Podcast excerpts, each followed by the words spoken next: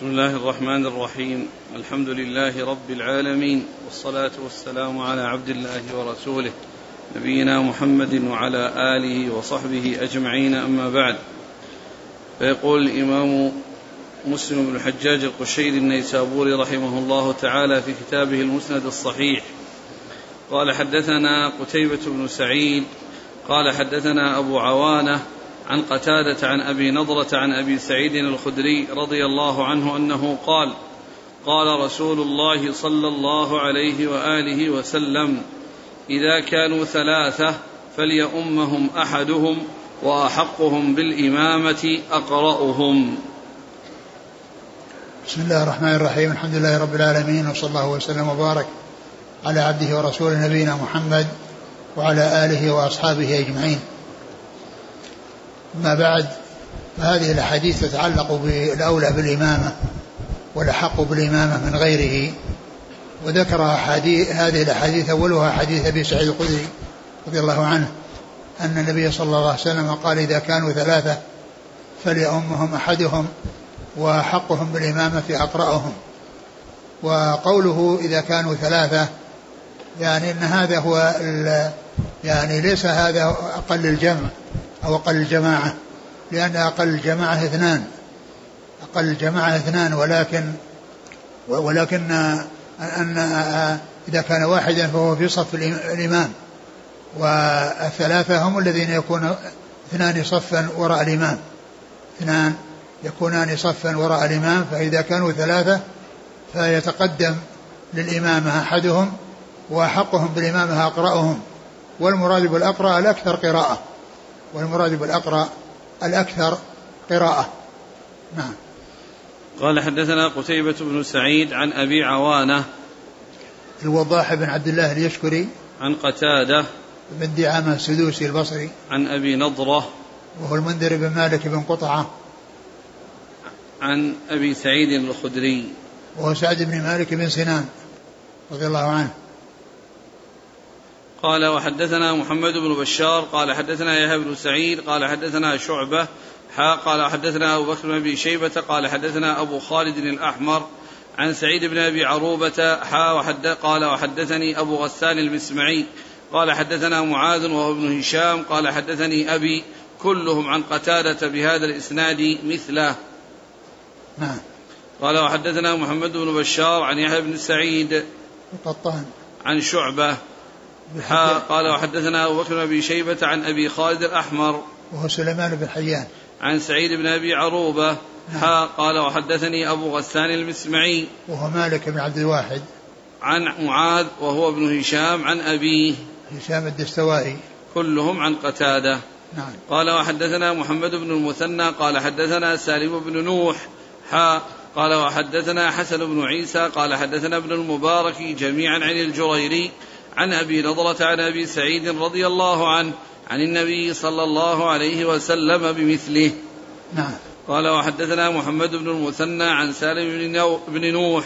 نعم. قال وحدثنا حسن بن عيسى عن ابن المبارك. عبد الله بن مبارك عن الجريري. وسعيد بن إياس. عن أبي نضرة عن أبي سعيد. نعم. قال وحدثنا أبو بكر بن أبي شيبة وأبو سعيد وأبو سعيد الأشج كلاهما عن أبي خالد.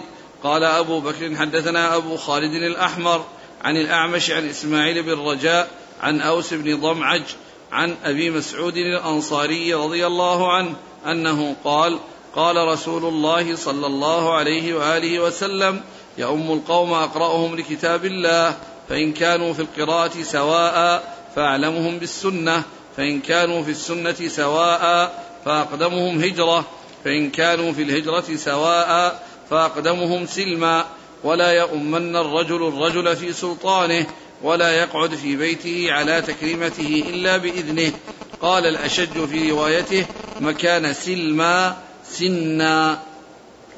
ثم ذكر هذا الحديث عن أبي مسعود عقبة بن عمرو الأنصاري البدري رضي الله تعالى عنه عن النبي صلى الله عليه وسلم أنه قال يا أم القوم أقرأهم لكتاب الله. والمراد من ذلك أكثرهم قراءة. من كان أكثرهم قراءة فهو الذي يستحق الإمامة. وقد فإن كانوا فإن كانوا في القراءة سواء فأعلمهم بالسنة سنة الرسول صلى الله عليه وسلم وكثرة الحديث عنه عليه الصلاة والسلام. فإن كانوا في سنة سواء فأقدمهم هجرة. والهجرة كانت في زمنه صلى الله عليه وسلم من مكة ومن غيرها إليه في المدينة. وبعد فتح مكة قال عليه الصلاة والسلام لا هجرة بعد الفتح يعني إلى المدينة لأن مكة صارت دار إسلام بدل ما كانت دار كفر. والهجرة باقية إلى قيام الساعة آه، وهي الهجرة من بلاد الكفر إلى بلاد الإسلام. الهجرة من بلاد الكفر إلى إلى بلاد الإسلام. فإن كانوا في السنة سواء فأقدمهم هجرة فإن كانوا في الهجرة سواء فأقدمهم سلما. يعني أقدمهم إسلاما ومن كان متقدما في الإسلام وهذا في رواية أحد شيخيه. وأما الشيخ الثاني الذي هو أبو سعيد الأشج فإن في روايته سنا بدل سلما يعني من كان أكبر يعني أكبر من غيره فإنه يقدم. ثم إن الرسول عليه ثم إن أبا بكر رضي الله عنه كان هو الذي يصلي بالناس عندما يكون الرسول صلى الله عليه وسلم غائبا وهو الذي استأذنه بلال أن أن يقدمه يتقدم للصلاة لما ذهب الرسول عليه السلام يصلح بين بني عمرو بن عوف و فقدموه في الصلاة. وكذلك النبي صلى الله عليه وسلم أمر في مرض موته أن يقدم في الصلاة. وقالوا إن الصحابة رضي الله عنهم وأرضاهم كانوا يعني يأخذون عن النبي صلى الله عليه وسلم القرآن ويعني كل ما ينزل عليه صلى الله عليه وسلم يحرصون على أخذه كما جاء عن ابن مسعود رضي الله عنه كنا إذا تعلمنا عشر آيات لم نتجاوزهن حتى نتعلم معانيهن والعمل بهن. فبذلك عرفوا يعني السنة وعرفوا يعني وقاموا بالعمل بها. فيكون أبو بكر رضي الله عنه يعني ب يعني عنده ما عند غيره من ناحية كثرة كثرة المقروء وعنده زيادة الفضل وهو كونه أفضل أصحاب رسول الله صلى الله عليه وسلم. آه، ثم قال ولا يؤم ولا يؤم ولا يؤمن الرجل ولا يؤمن الرجل. الرجل في سلطانه. يعني آه، آه، ولي الأمر إذا كان موجودا فهو أحق من غيره وهو أحق أحق بالإمامة وكذلك صاحب البيت. يعني فهو صاحب السلطان في البيت فهو الأحق بالإمامة من بي في بيته ولكن الأولى, الأولى له أن يقدم من كان أولى بالإمامة الأولى أن يقدم من كان ولكنه إذا أراد أن أن يصلي بالناس هو الذي يصلي بالناس ولا الحق في ذلك كما قال ذلك رسول الله صلى الله عليه وسلم. ولا يؤمن رجل رجل في سلطانه ولا يجلس في بيته على تكريمته إلا بإذنه. يعني أن صاحب البيت هو الذي آه، له الحق في إنزال الناس منازلهم وجعل كل إنسان في المكان الذي يليق به. فالأمر يرجع إليه. له أن يكرم من يكرم بأن يقدمه وأن يقول لهذا اجلس هنا واجلس هنا. هذا هو هذا هو معنى الحديث. لأن لأن آه، قد يكون آه، يعني صاحب المنزل يعني فيه أناس كبار يريد أن يقدمهم لمنزلتهم ولعلمهم وغير ذلك فلا يعني إذا جاء أحد من شخص عادي يأتي ويجلس في المكان المخصص لهؤلاء أو الذي أراده لهؤلاء فإن الحق يرجع إليه يرجع إلى صاحب المكان ويجلس كل إنسان يعني في المكان الذي يعني آه، يجلس فيه صاحب المكان إلا إذا كان هناك المكان فيه صدر مجلس وفيه يخصصه لأناس ويأتي بعض الناس ويجلسون في الأماكن المتأخرة هذا لا يحتاج إلى لا يحتاج إلى إذنه وأنه يضعهم. ولكن الكلام في الأماكن المتقدمة التي يريد أن يخص بها بعض الناس ممن يكون له منزلة ومكانة علمية أو يعني أو, أو, أو, أو ولاية أو غير ذلك فإن هذا يرجع إلى صاحب المنزل ولا يجلس في بيته على تكريمته إلا بإذنه. إيش بعده؟ انتهى؟ نعم. نعم. قال حدثنا أبو بكر بن شيبة وأبو سعيد الأشج. هو عبد الله بن سعيد الأشج وهذا أحد شيوخ أصحاب الكتب الستة الذين هم تسعة وأبو سعيد الأشج هذا أحدهم وقد سبق ذكرهم مرارا. نعم. عن أبي خالد عن الأعمش. وأبو خالد هو الأحمر وهو سليمان بن حيان. عن الأعمش سليمان بن مهران. عن إسماعيل بن رجاء نعم. عن أوس بن ضمعج نعم. عن أبي مسعود الأنصاري. وهو عقبة بن عمرو الأنصاري البدري رضي الله عنه. يقول إذا كان هناك رجل صوته جميل والآخر أكثر قرآنا فأيهما يقدم؟ يقدم الأكثر قرآنا. لأن قد يكون صوته جميل وحافظ لشيء قليل من القرآن. فليس التقديم من أجل حسن الصوت وإنما من أجل كثرة كثرة المحفوظ وكثرة المقروء. نعم قال حدثنا أبو كريب قال حدثنا أبو معاوية حا قال حدثنا إسحاق قال أخبرنا جرير وأبو معاوية حا قال وحدثنا الأشج قال حدثنا ابن فضيل حا قال وحدثنا ابن أبي عمر قال حدثنا سفيان كلهم عن الأعمش بهذا الإسناد مثله. نعم. قال حدثنا أبو كريب. محمد بن علاء بن كريب. عن أبي معاوية. وهو محمد بن خازم. قال حا وحدثنا إسحاق. بن إبراهيم. عن جرير. بن عبد الحميد. وأبو معاوية. قال حا وحدثنا الأشج عن ابن فضيل. الأشج هو أبو سعيد الأشج نعم. عن ابن فضيل محمد بن فضيل. حا قال وحدثنا ابن أبي عمر. وهو محمد بن يحيى بن أبي عمر العدني. عن سفيان. بن عيينة. كلهم عن الأعمش. نعم. قال وحدثنا محمد بن المثنى وابن بشار. قال ابن المثنى حدثنا محمد بن جعفر عن شعبة عن إسماعيل بن رجاء. قال سمعت أوس بن ضمعج يقول سمعت أبا مسعود رضي الله عنه يقول قال لنا رسول الله صلى الله عليه وسلم يؤم القوم أقرأهم لكتاب الله وأقدمهم قراءة فإن كانت قراءتهم سواء فليؤمهم أقدمهم هجرة فإن كانوا في الهجرة سواء فليؤمهم أكبرهم سنا. ولا تؤمن الرجل في أهله ولا في سلطانه ولا تجلس على تكريمته في بيته إلا أن يأذن لك أو بإذنه. نعم. مثل الذي قبله. قال حدثنا محمد بن مثنى وابن بشار عن محمد بن جعفر وغندر. عن شعبة عن إسماعيل بن رجاء عن أوس بن ضمعج عن أبي مسعود. نعم. قال وحدثني زهير بن حرب قال حدثنا إسماعيل بن إبراهيم قال حدثنا أيوب عن أبي قلابة عن مالك بن الحويرث رضي الله عنه قال أتينا رسول الله صلى الله عليه وسلم ونحن شببة متقاربون فأقمنا عنده عشرين ليلة وكان رسول الله صلى الله عليه وسلم رحيما رقيقا فظن أنا قد اشتقنا أهلنا فسألنا عن عمن تركنا فسألنا عمن تركنا من أهلنا فأخبرناه فقال ارجعوا إلى أهليكم فأقيموا فيهم وعلموهم ومروهم فإذا حضرت الصلاة فليؤذن لكم أحدكم ثم ليؤمكم أكبركم.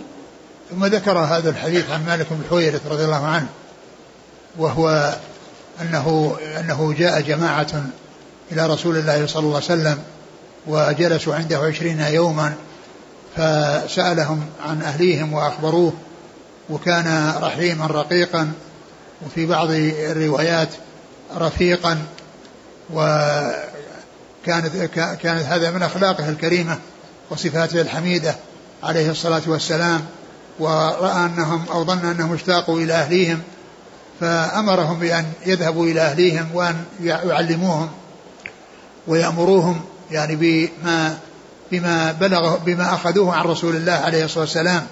قال فإذا حضرت الصلاة فليؤمكم فليؤذن أحدكم وليؤمكم أكبركم. وإنما ذكر هنا أنه يتقدم الأكبر لأنهم متساوون يعني متساوون في ما أخذوه عن رسول الله صلى الله عليه وسلم من القرآن. ومن السنة وكذلك يعني كونهم جاءوا جميعا الرسول عليه الصلاة والسلام فإذا صار التفضيل والتمييز إنما هو بالسن لأن بقية الأمور التي كانت مطلوبة وهي يعتمد عليها في التقديم قبل السن مجتمعة فيهم. مجتمعة فيهم لأنهم جاءوا وفدوا وجلسوا هذه المدة وأخذوا ما أخذوا من القرآن والسنة فكانوا متساوين فيما دون السن.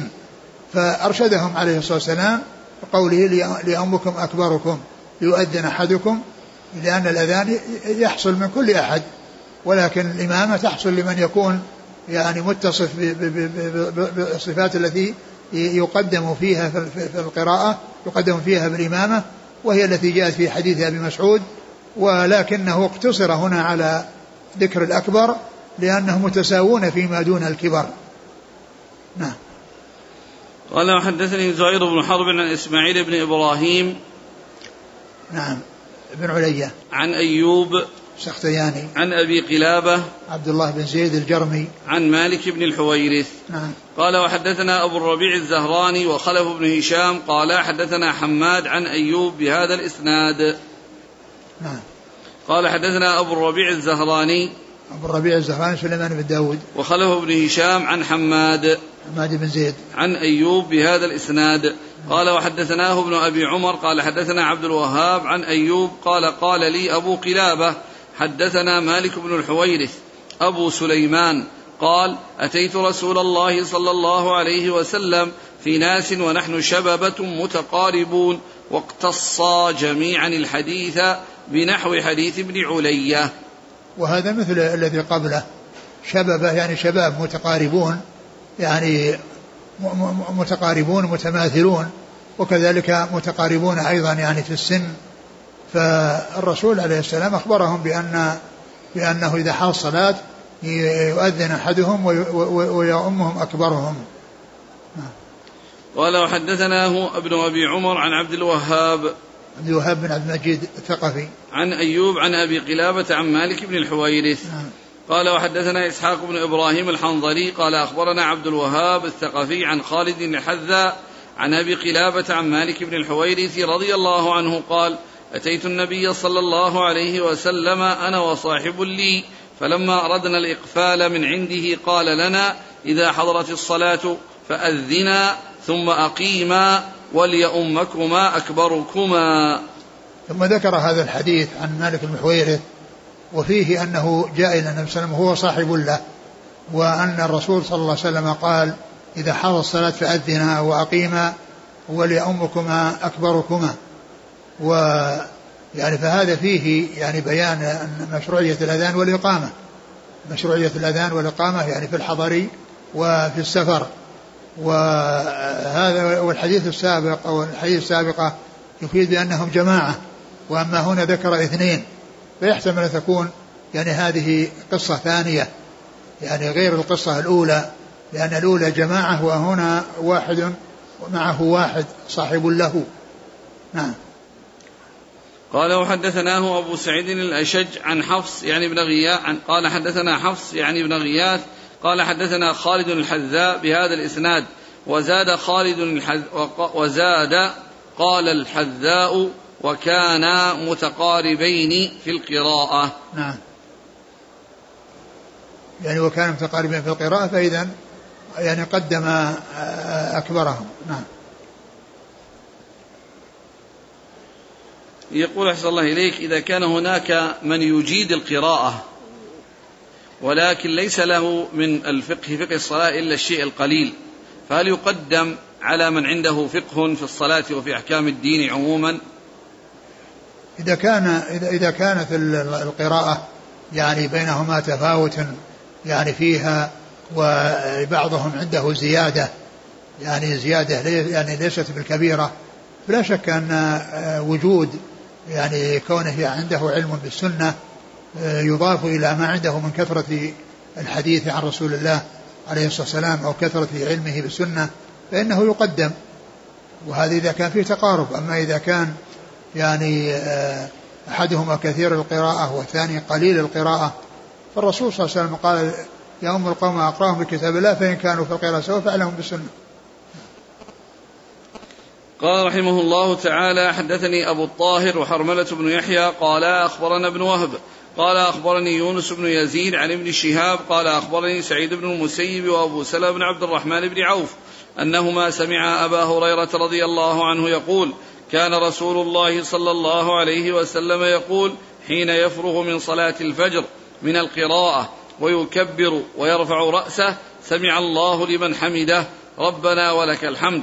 ثم يقول وهو قائم اللهم انج الوليد بن الوليد وسلمة بن هشام وعياش بن أبي ربيعة والمستضعفين من المؤمنين. اللهم اشدد وطأتك على مضر واجعلها عليهم سني واجعلها عليهم كسني يوسف. اللهم العن لحيان ورعلا وذكوان وعصية. عصت الله ورسوله. ثم بلغنا أنه ترك ذلك لما أنزل. ليس لك من الأمر شيء. أو يتوب عليهم أو يعذبهم. فإنهم ظالمون. ثم ذكر الأحاديث المتعلقة بالقنوت في النوازل. ذكر الأحاديث المتعلقة بالقنوت في النوازل. وذكر هذا الحديث عن أبي هريرة رضي الله عنه أن النبي صلى الله عليه وسلم كان إذا آه، رفع رأسه من الركوع يعني في صلاة الفجر فإنه آه، يقول ربنا سمع الله لمن حمده ربنا ولك الحمد فيأتي آه، بالتسميع والتحميد ثم بعد ذلك يدعو لأناس ويدعو على أناس. يدعو لأناس ويدعو على أناس. يدعو لأناس من المسلمين قد أسروا أسرهم الكفار فهو يدعو يدعو الله أن ينجيهم وأن يخلصهم من من كونهم تحت سلطة الكفار وتحت يعني أسر الكفار. ويدعو على أناس آخرين وهم مضر. وهم الذين كانوا يعادونه صلى الله عليه وسلم يعني بمكة وغير مكة. والمقصود من ذلك الكفار الذين هم كانوا شديدي شديدي العداء لرسول الله صلى الله عليه وسلم. ولهذا في حديث وفي عبد القيس لما جاءوا إلى الرسول صلى الله عليه وسلم وطلبوا منه أن يعلمهم وأن يعني يحدثهم بالشيء الذي يرجعون به إلى قومهم.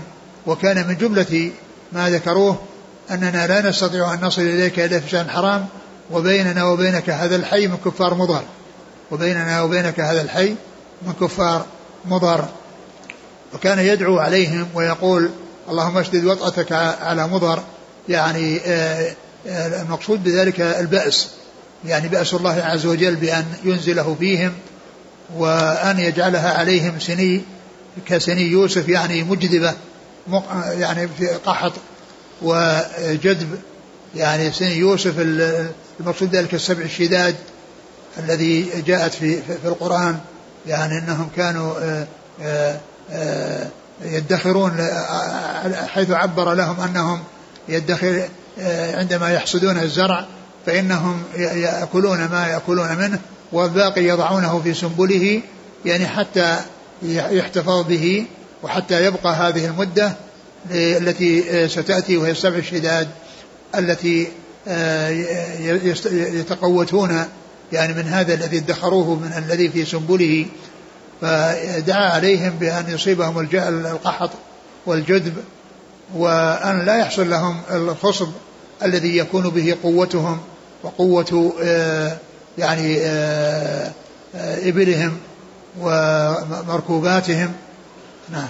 وجعلها سن يوسف اللهم أنج الوليد بن الوليد وسلمة بن هشام وعياش بن أبي ربيعة والمستضعفين من يعني ذكر ذكر خص وعم ذكر أولا هؤلاء الثلاثة وعم بعد ذلك المستضعفين وهؤلاء من المستضعفين الذين أسرهم أسرهم الكفار فدعا لهم عليه الصلاة والسلام بأن ينجيهم الله.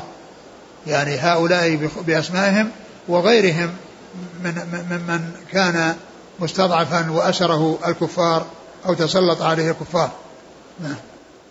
اللهم اشدد وطأتك على مضر واجعلها عليهم كثين يوسف. نعم. اللهم العن لحيان ورعلا وذكوان وعصية.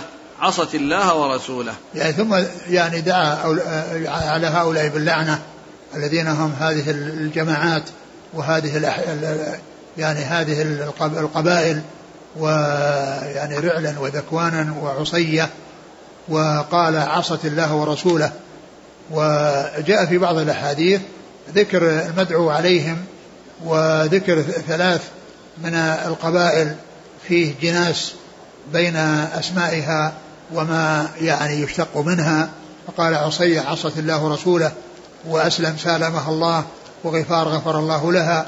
وجاء في بعض الحديث للسادات أنه دعا على بني عصية أنه دعا على بني عصية.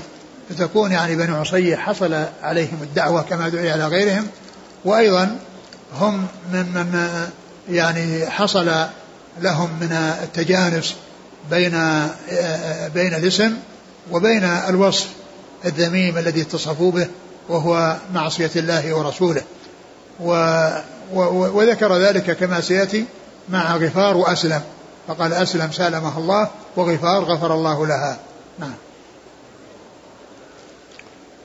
ثم بلغنا أنه ترك ذلك لما أنزل ليس لك من الأمر شيء أو يتوب عليهم أو يعذبهم فإنهم ظالمون. نعم. قال حدثنا أبو الطاهر.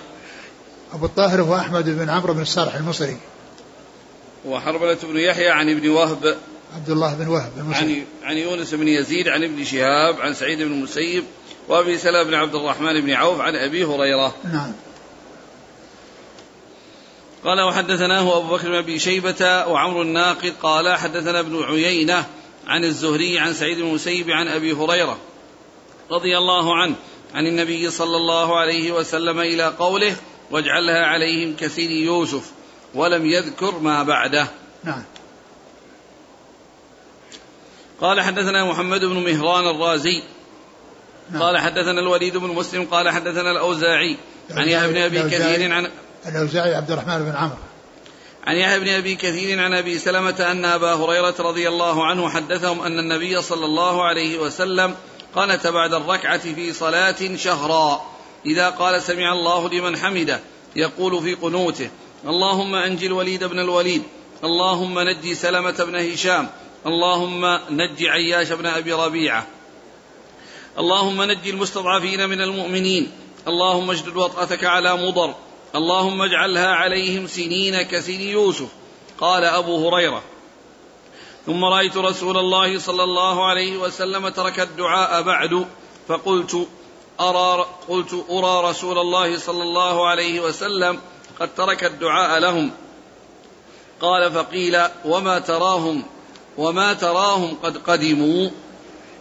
نعم ثم ذكر الحديث وهو مثل الذي قبله لأن فيه لأن فيه أنه كان قنت شهرا وكان ذلك بعد الركوع وأن أنه ترك بعد ذلك ترك الدعاء بعد ذلك وهذا يفيد بأن القنوت في الفجر لا يكون مستمرا ودائما وإنما يكون في النوازل وإنما يكون في النمازل النوازل عندما تنزل بمسلمين نازلة فإنه يقنت وإذا انتهت وارتفعت فإنه يترك القنوت. ثم ذكر بعد ذلك أنه ترك وقيل أما تراهم أنهم قد جاءوا. يعني هؤلاء الذين المستضعفون قد خلصهم الله من الكفار وأنهم جاءوا إلى الرسول صلى الله عليه وسلم. نعم. قال وحدثني زهير بن حرب قال حدثنا حسين بن محمد قال حدثنا شيبان عن يحيى عن يحيى عن أبي سلمة أن أبا هريرة رضي الله عنه أخبره أن رسول الله صلى الله عليه وسلم بينما هو يصلي العشاء إذ قال سمع الله لمن حمده. ثم قال قبل أن يسجد اللهم نج عياش بن أبي ربيعة. ثم ذكر بمثل حديث الأوزاعي إلى قوله كسني يوسف ولم يذكر ما بعده. ثم ذكر هذا الحديث عن أبي هريرة. نعم. ثم ذكر هذا الحديث عن أبي هريرة. وهو مثل الذي قبله الا ان فيه القنوت بعد العشاء في العشاء وأنه بعد الركوع وأنه دعا, دعا لأناس دعا لأناس ودعا على غيرهم. اللهم نج عياش ثم نعم. ذكر بمثل حديث الأوزاعي. نعم حال على الحديث المتقدم. نعم. قال حدثني زهير بن حرب عن حسين بن محمد عن شيبان. شيبان بن عبد الرحمن. عن يحيى بن أبي كثير. عن أبي سلمة عن أبي هريرة. نعم. قال حدثنا محمد بن مثنى قال حدثنا معاذ بن هشام قال حدثني أبي عن يحيى بن أبي كثير قال حدثنا أبو سلمة بن عبد الرحمن أنه سمع أبا هريرة رضي الله عنه يقول والله لأقربن بكم صلاة رسول الله صلى الله عليه وسلم فكان أبو هريرة يقنت في الظهر والعشاء الآخرة وصلاة الصبح ويدعو للمؤمنين ويلعن الكفار. ثم ذكر هذا الحديث عن أبي هريرة وأنه قال إنه سيقرب بهم صلاة رسول الله. يعني يصلي صلاة قريبة منها قريبة من صفة من صلاة الرسول صلى الله عليه وسلم فكان يقنت في الظهر والمغرب والعشاء. والعشاء؟ الظهر والمغرب. الظهر والمغرب الظهر والعشاء, والعشاء والصبح. والصبح. الظهر والمغرب. المغرب ما في. ها؟ يقنت في الظهر والعشاء الآخرة نعم. وصلاة الصبح. نعم في الظهر وصلاة العشاء الآخرة والصبح. وهذا فيه أن القنوت يكون يعني في الصلوات كلها. وقد جاءت عند الإمام مسلم رحمه الله أربع أربع صلوات ومعها المغرب كما سيأتي وليس فيه ذكر وليس فيها ذكر العصر. ليس عنده ذكر العصر. ومعلوم أن أن صلاة العصر أنها من, من أنها هي الصلاة الوسطى. وهي التي ورد فيها أحاديث كثيرة تدل على عظم شأنها فلا أدري يعني ورودها يعني هل جاءت في أحاديث أخرى ولكن كون الصلوات الأربع كلها جاءت بها السنة عن رسول الله عليه السلام وصلاة العصر هي الوسطى والذي ورد فيها فضائل كثيرة لا شك أنها يعني مثل غيرها أو, من أو, أو أنها أولى من غيرها أنها أولى من غيرها. وقد ذكر العلماء أنه يقنت في الصلوات الخمس كلها أنه يقنت في الصلوات الخمس كلها. نعم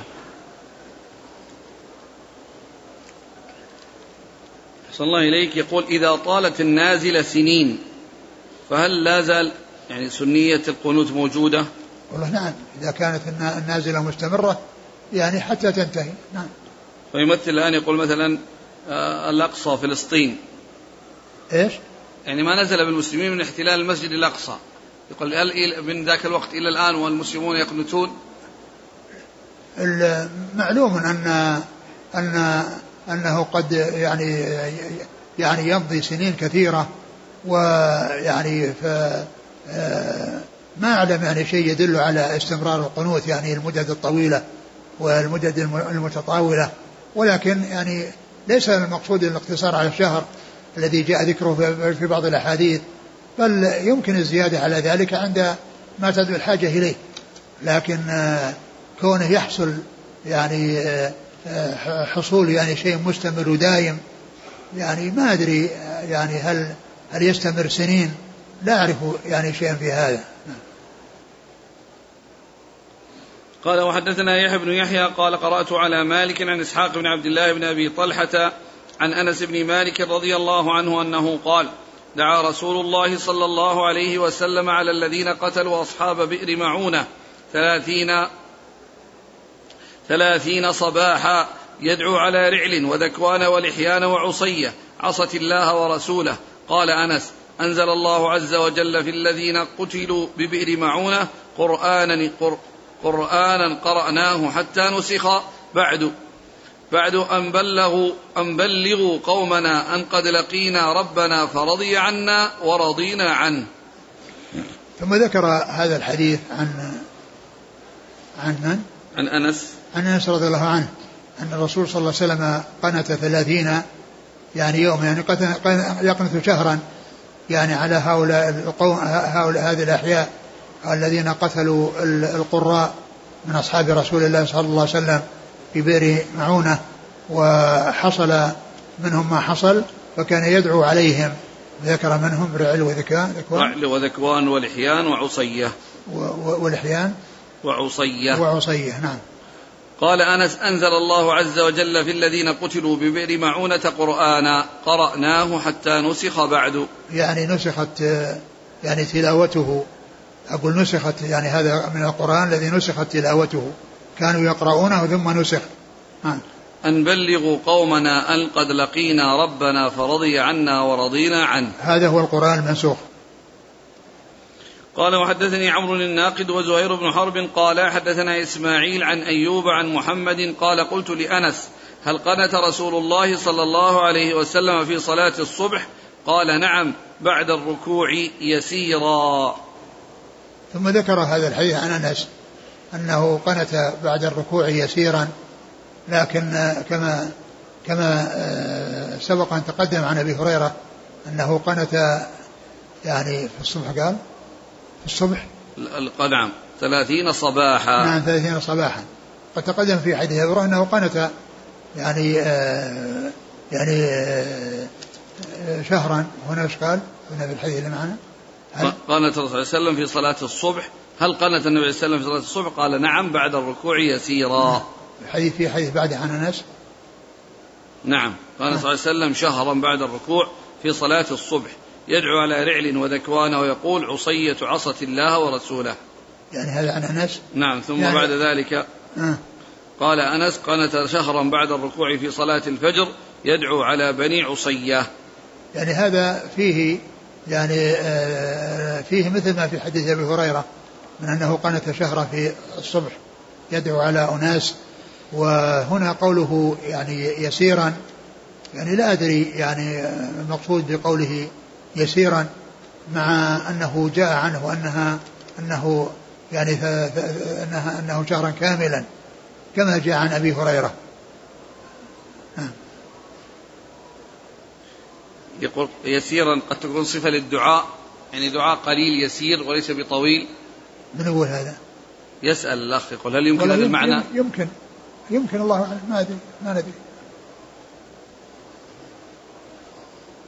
الشيخ علي محمد علي آدم يقول قوله بعد الركوع يسيرا قد تبين مقدار هذا اليسير بأنه شهر في رواية أبي مجلز وأنس بن سيرين وعاصم الأحول الآتية بعد ذلك إذا كان إذا كان أن, أن هذا الذي ذكر وهو شهر أنه يوصف بأنه يسير فيكون مطابق.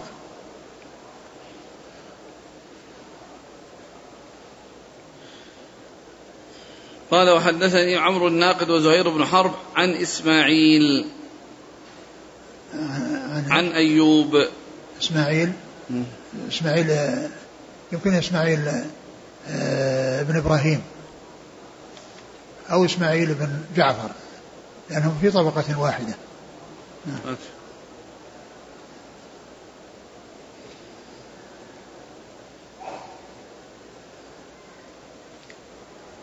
نعم إسماعيل بن علية. نعم. عن أيوب عن محمد بن سيرين. عن أنس. نعم. قال وحدثني عبيد الله بن معاذ العنبري وأبو كريب وإسحاق بن إبراهيم ومحمد بن عبد الأعلى واللفظ لابن معاذ. قال حدثنا المعتمر بن سليمان عن أبيه عن أبي مجلز عن أنس بن مالك رضي الله عنه قالت رسول الله صلى الله عليه وسلم شهرا بعد الركوع في صلاة الصبح يدعو على رعل وذكوان ويقول عصية عصت الله ورسوله. نعم. قال وحدثني عبيد الله بن معاذ العنبري وأبو كريب وإسحاق بن إبراهيم ومحمد بن عبد الأعلى واللفظ لابن معاذ عن المعتبر بن سليمان عن أبيه. سليمان بن طرخان. عن أبي مجلز.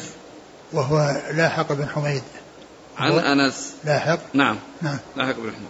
عن أبي عن أنس بن مالك. قال وحدثني محمد بن حاتم. قال حدثنا بهز بن أسد.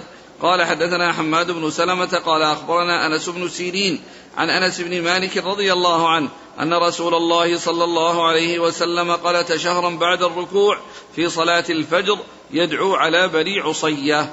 نعم. وهذا التنصيص على الدعاء على بني عصية. فجاء ذكرهم يعني باسم القبيلة والتنصيص على الدعاء عليهم وجاء ذكرهم في بعض الأحاديث مع وصفهم ب يعني بالوصف الذي هو مطابق لأسمائهم أو لاسم القبيلة يعني عصية عصت الله ورسوله. نعم. قال وحدثنا أبو بكر بن أبي شيبة وأبو كريب قال حدثنا أبو معاوية عن عاصم عن أنس رضي الله عنه قال سألته عن القنوت قبل الركوع أو بعد الركوع؟ فقال قبل الركوع.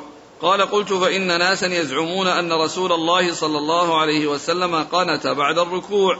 فقال إنما قنت رسول الله صلى الله عليه وسلم شهرا يدعو على أناس قتلوا أناسا من أصحابه يقال لهم القراء.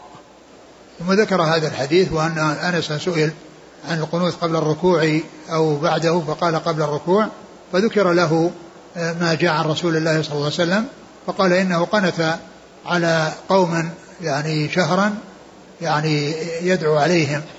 فيكون يعني معنى هذا أن أن القنوت يكون قبل الركوع وبعده ولكن الأحاديث آه هذه الأحاديث التي مرت آه كلها تدل على أن حصول القنوت بعد الركوع.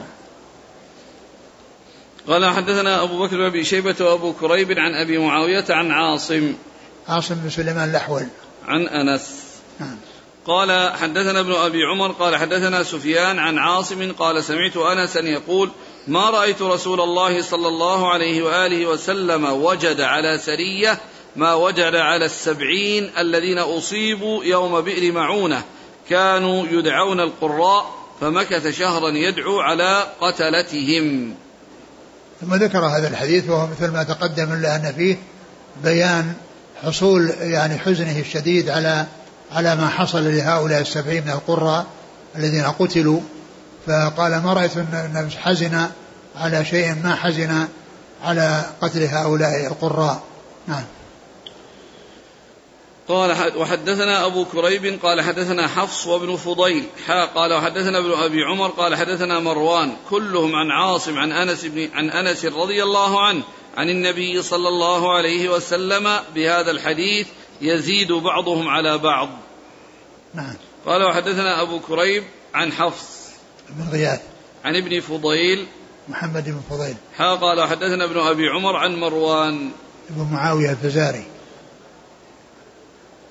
قال وحدثنا عمرو الناقد قال حدثنا الأسود بن عامر قال أخبرنا شعبة عن قتادة عن أنس بن مالك رضي الله عنه أن النبي صلى الله عليه وآله وسلم قنت شهرا يلعن رعلا وذكوان وعصية عصوا الله ورسوله. نعم.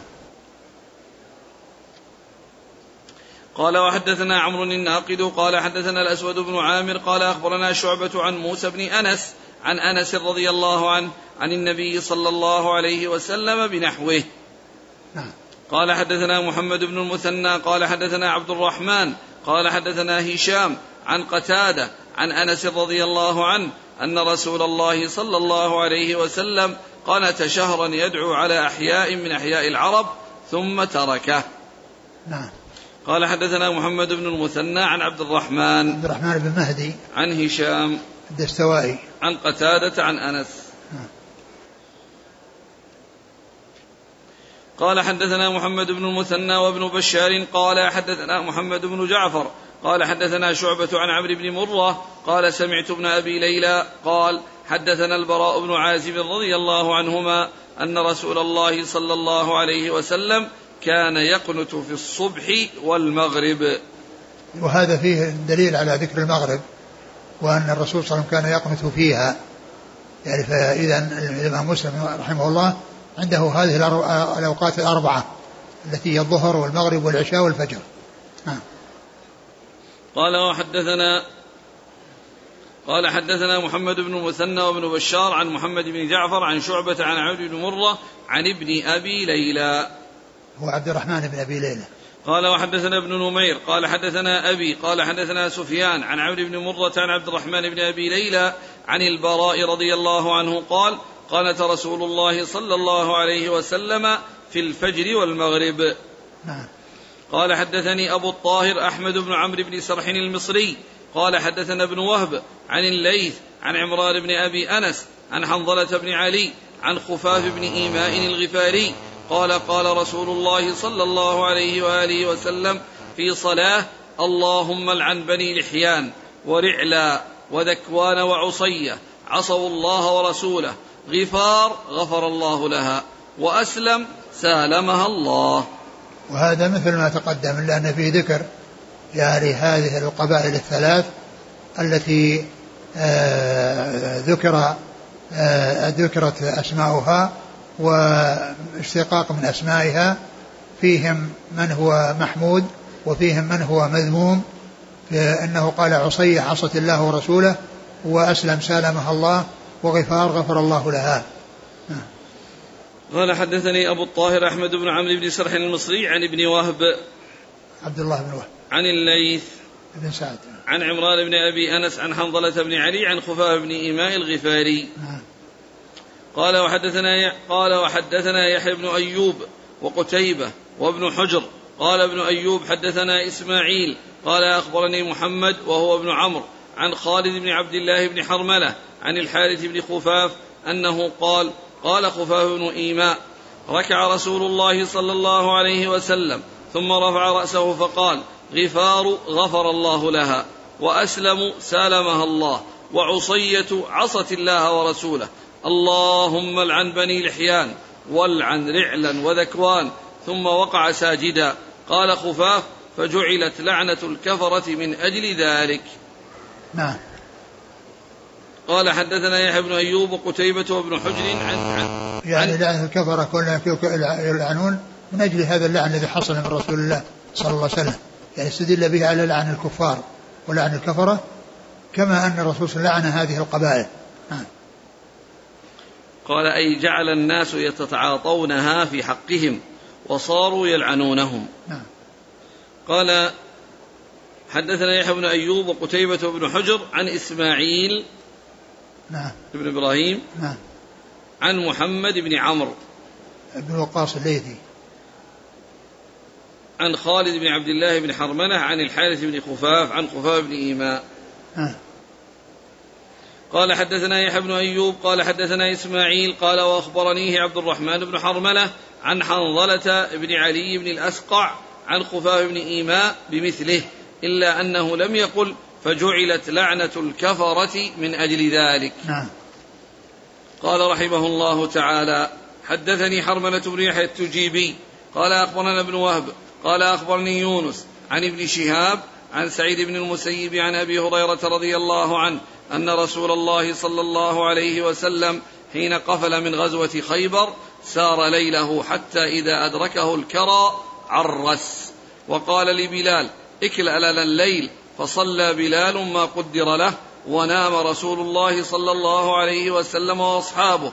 فلما تقارب الفجر استند بلال إلى راحلته مواجه الفجر فغلبت بلالا عيناه. وهو مستند إلى راحلته فلم يستيقظ رسول الله صلى الله عليه وسلم ولا بلال ولا أحد من أصحابه حتى ضربتهم الشمس. فكان رسول الله صلى الله عليه وسلم أولهم استيقاظا ففزع رسول الله صلى الله عليه وسلم فقال أي بلال؟ فقال بلال أخذ بنفس الذي أخذ بأبي أنت وأمي يا رسول الله بنفسك. قال اقتادوا. فاقتادوا رواحلهم شيئا. ثم توضأ رسول الله صلى الله عليه وسلم وأمر بلالا فأقام الصلاة فصلى بهم الصبح. فلما قضى الصلاة قال من نسي الصلاة فليصليها إذا ذكرها فإن الله قال أقم الصلاة لذكري قال يونس وكان ابن شهاب يقرأها للذكرى ثم ذكر الأحاديث المتعلقة بقضاء الفوائد. إذا خرج وقتها وأنها تقضى وإذا إذا خرج وقتها يعني وهي يعني لم يقضي لم يؤدي الإنسان في وقتها وخرج وقتها وكان ذلك لضرورة ولعذر فإن الإنسان يقضيها إذا إذا إذا خرج وقتها. وقد ذكر هذا الحديث عن النبي عليه الصلاة والسلام أنه كان لما قفل من خيبر يعني في حال رجوعه وانصرافه من خيبر يعني أصابهم الكرى يعني وهو النوم والنعاس فنزلوا وقال النبي صلى الله عليه وسلم لبلال يعني اكلأ لنا الصبح وأي أنه يرقب الصبح و حتى إذا إذا إذا بدأ الصبح فإنه ينبههم أو يؤذن. فبلال صلى ما صلى من من صلاة الليل ثم إنه استند إلى إلى على راحلته مستقبل الصبح يرقب الصبح يعني حتى إذا ظهر الفجر وطلع الفجر المستطيل المعترض الذي يعترض في الأفق ويحصل به دخول وقت الفجر فجعل يرقبه فغلبته عيناه فنام. ثم إن الرسول عليه الصلاة والسلام لم يستيقظ هو ولا أحد من أصحابه ولما أصابتهم حرارة الشمس استيقظ رسول الله صلى الله عليه وسلم وفزعا وقال يعني يعني وقال لبلال, لبلال قال أخذ بعيني الذي أخذ بعينك بأبي أنت وأمي. يعني أنت مفدي بأبي وأمي الذي أخذ بنفسي أخذ بنفسي الذي أخذ بنفسك أخذ بنفسي. يعني هو أنه حصل النوم وهي الوفاة الصغرى التي قال الله عز وجل الله يتوفى الأنفس حين موتها والتي لم تمت في منامها والتي لم تمت في منامها. فإن فإن النوم يعني شبيه بالموت يعني وهي آآ آآ آآ ولهذا يعني قال مع بلال أخذ أخذ الله الذي أخذ الذي أخذ بنفسك هو الذي أخذ بنفسي. يعني بأنه غلبته عيناه ونام وحصل منه النوم. ثم إنه أمر بأنهم بأن يقتادوا رواحلهم وأن ينتقلوا إلى مكان آخر. فنزلوا وتوضأ رسول الله صلى الله عليه وسلم وأقام بلال الصلاة وصلى الفجر عليه الصلاة والسلام بأصحابه جماعة. وجاء في بعض الروايات كما سيأتي أنه أتى بالسجدتين يعني التي هي آه، التي هي الراتبة أتى بها قبل الفريضة. وفيه هنا ذكر الإقامة وليس في ذكر الأذان. وعدم ذكر الأذان لا يدل على نفيه. وقد جاء في بعض الروايات عند المصنف أنه أذن وأقام. يعني حصل الأذان وحصلت الإقامة. وهذا فيه دليل على أن أنه يؤذن بالصلاة الفائتة وكذلك يقام بالصلاة الفائتة عند عند قضائها. كما فعل رسول الله صلى الله عليه وسلم وأصحابه. وش بعده؟ فلما قضى الصلاة قال من نسي الصلاة فليصليها إذا ذكرها. نعم من نسي صلاة فليصليها إذا ذكرها. من نسي صلاة فليصليها إذا ذكرها لا كفارة لها إلا ذلك. ثم تلا الآية. نعم. للذكر لذكري وكان ابن شهاب يقرأها للذكرى. يعني كلمة للذكري يعني فسر معناها يعني لذكر الله عز وجل يعني ليذكر الله عز وجل يعني فيها شوف ذكر تفسيرين النووي.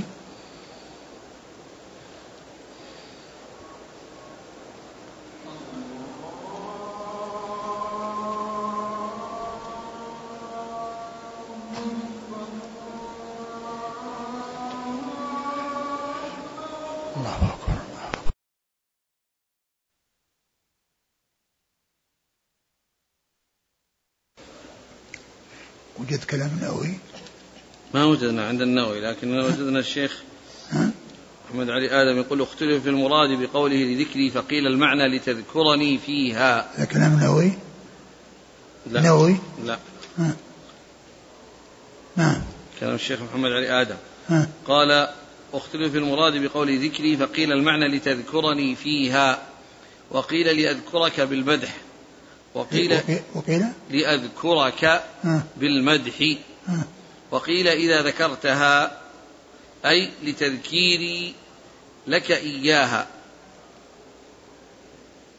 وهذا يعضد قراءة من قال للذكرى. لتذكيري إياها؟ لتذكيري لك إياها. نعم. وقال يعني النخعي اللام للظرف أي إذا ذكرتني أي إذا ذكرت أمري بعد ما نسيت. نعم. وقيل لا تذكر فيها غيري. وقيل شكرا لذكري. وقيل المراد بقوله ذكري ذكر أمري. وقيل المعنى إذا ذكرت الصلاة فقد ذكرتني. فإن الصلاة عبادة الله فمتى ذكرها ذكر المعبود فكأنه أراد لذكر الصلاة. هو ذكر النووي اثنين فقط. لكن قال نعم. قال الحافظ ابن رجب وأما تلاوته قوله تعالى وأقم الصلاة لذكري ومرة للذكرى لأن المعنى أدي الصلاة حين الذكرى والمعنى أنه يصلي الصلاة إذا ذكرها. يعني هذا هو المطابق للحال التي في الحديث. يعني وبذلك فسرها أبو العالية والشعبي والنخعي. آه. وقال مجاهد لذكري أي تذكرني. قال فإذا صلى عبد ذكر ربه. ومعنى قوله إن قوله وأقم الصلاة لذكري أي لأجل ذكري بها. والصلاة إنما فرضت ليذكر الله بها كما في حديث عائشة إنما جعل الطواف بالبيت وبين الصفا والمروة ورمي الجمار لإقامة ذكر الله هذا الأول ذكره عن عن من الشعبي وعن من؟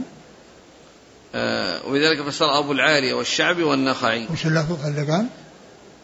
أن من أدي الصلاة حين الذكرى أي أنه يصلي الصلاة إذا ذكرها هذا هو هذا هو المطابق له هذا هو المطابق للحديث نعم.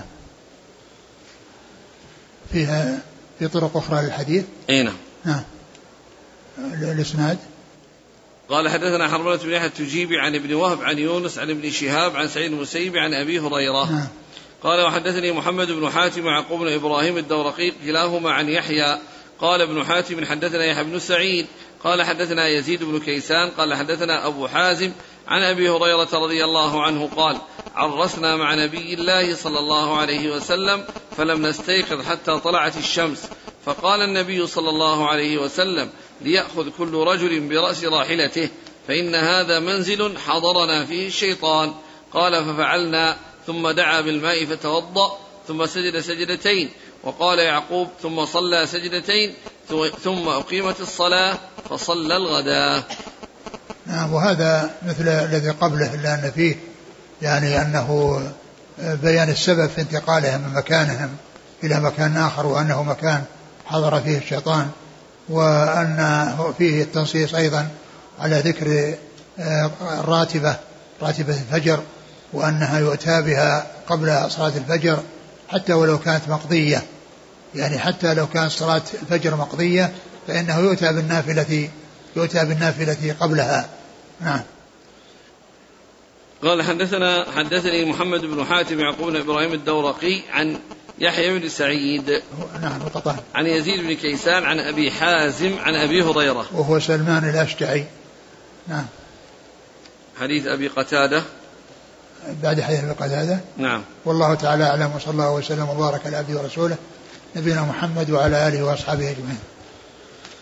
جزاكم الله خيرا وبارك الله فيكم. ألهمكم الله الصواب وفقكم للحق. شفاكم الله وعافاكم ونفعنا الله ما سمعنا وغفر الله لنا ولكم والمسلمين أجمعين. الأسئلة كثيرة في مسألة دعاء النبي صلى الله عليه وسلم في أول الأمر على أناس معينين بقوله إلعن فلان فلان وفلان. نعم. لعن المعين. وما لعن معين لعن قبائل. مثل لعن الظالمين ولعن الكافرين. يعني ليس فيه لعن شخص معين. يعني في دعاء لأشخاص معينين لكن اللعن لجماعات.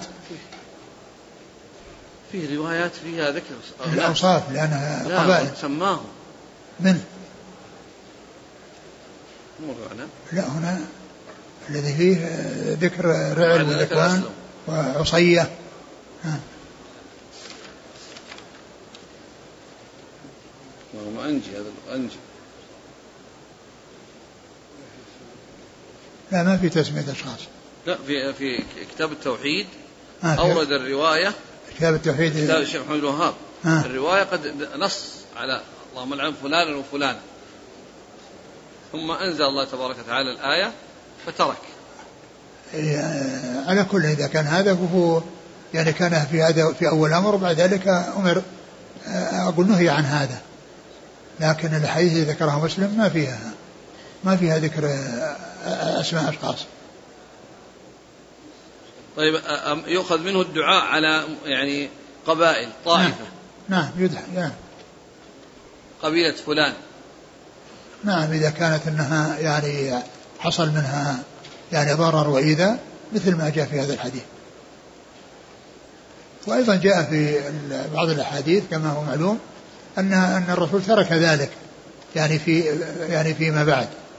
لكن لعن الكفار ولعن اللعن بالأوصاف هذا جاء في فيما يتعلق بالكفار وفيما يتعلق أيضا بالمسلمين فيما يتعلق ببعض الأفعال المحرمة مثل لعن الله يعني المتشبهين الرجال المشبهات من الرجال بالنساء الرجال وغير ذلك من مما جاء فيه اللعن بالصلة لا بالعين. أما بالنسبة للعن المعين فإن المعروف عند العلماء أنه لا يلعن الشخص المعين لأن إلا إذا عرف نهايته بأنه مات على الكفر. ولهذا ابن كثير رحمه الله يعني في كتابه البداية والنهاية ذكر آه، قصيدة طويلة لأحد النصارى وكان يسب فيها الإسلام ونبي الإسلام. عليه الصلاة والسلام ورد عليه ابن حزم في قصيدة طويلة وقد ذكر ابن, ابن كثير القصيدتين في كتابه البداية والنهاية ولما فرغ من قصيدة النصراني قال قال عليه فعليه لعنة لعنة الله والملائكة والناس أجمعين إن كان مات كافرا إن كان مات كافرا. وقال في ترجمة أبو نصر الفرازي في كتابه يعني البداية والنهاية قال فيها أنه كان يقول بمعاد معاد الأرواح ولا يقول معاد الأجساد أو العكس. قال فعليه إن كان مات على ذلك لعنة رب العالمين. فعليه إن كان مات على ذلك لعنة رب العالمين. نعم. هذا الأخ أرسل فائدة حديث ابن عباس أن النبي صلى الله عليه وسلم قنت شهرا متتابعا في الظهر. إيش؟ قنت الرسول صلى الله عليه وسلم شهرا متتابعا في الظهر والعصر والمغرب والعشاء والصبح. ذكر الأوقات كلها نعم. في الحديث. أخرجه أحمد وأبو داود والحاكم. من طريق ثابت بن يزيد عن هلال بن خباب عن عكرمة عن ابن عباس. طريق إيش؟ من طريق ثابت بن يزيد. عن هلال بن خباب عن عكرمة عن ابن عباس. قال النووي في المجموع رواه أبو داود بإسناد حسن أو صحيح. وقال ابن القيم حديث صحيح. وقال ابن حجر يعني حديث هذا الذي في المسند رواه أبو داود أيضا؟ أي نعم. أحمد وأبو داود الحاكم. كلهم بهذا الطريق. حسن إسناده صحيح النووي وابن القيم قال حديث صحيح. وابن حجر قال حديث حسن حسنه الألباني.